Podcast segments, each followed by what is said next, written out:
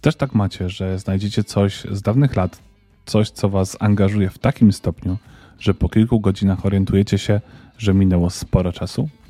Ale czasu spędzonego nie żałujecie. Ja tak miałem wczoraj z Gameboyem. Niby nie miałem go będąc dzieckiem, a nabyłem całkiem niedawno, ale w dzieciństwie kilka razy zdarzyło mi się zagrać na tej przenośnej konsoli. Mario Bros. oczywiście. Teraz, po latach, wiem, że to był dokładnie Super Mario Land 2.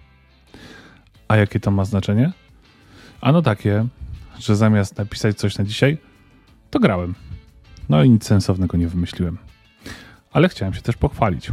Nie, nie tym, że kupiłem Game Boya Pocketa. Chociaż gdyby teraz był koniec lat 90., to byłoby coś. Ale o tym pokecie jeszcze pewnie usłyszycie, a nawet go zobaczycie. Ale to dopiero na wiosnę. A o czym chciałem się pochwalić? Tym, że wczoraj na kanał Wiedźmy od Gratów wleciał pierwszy odcinek naszego wspólnego podcastu o samochodach, gdzie rozbieramy motoryzację na części pierwsze. Link do filmu wrzucam w opisie. A, no i weźcie w końcu, zalajkujcie, zakomentujcie moje filmy, bo powoli nie chcę mi się ich już tworzyć. No chyba, że to jest wasz cel. Do jutra. O ile Gameboy nie pochłonie mnie i dzisiaj.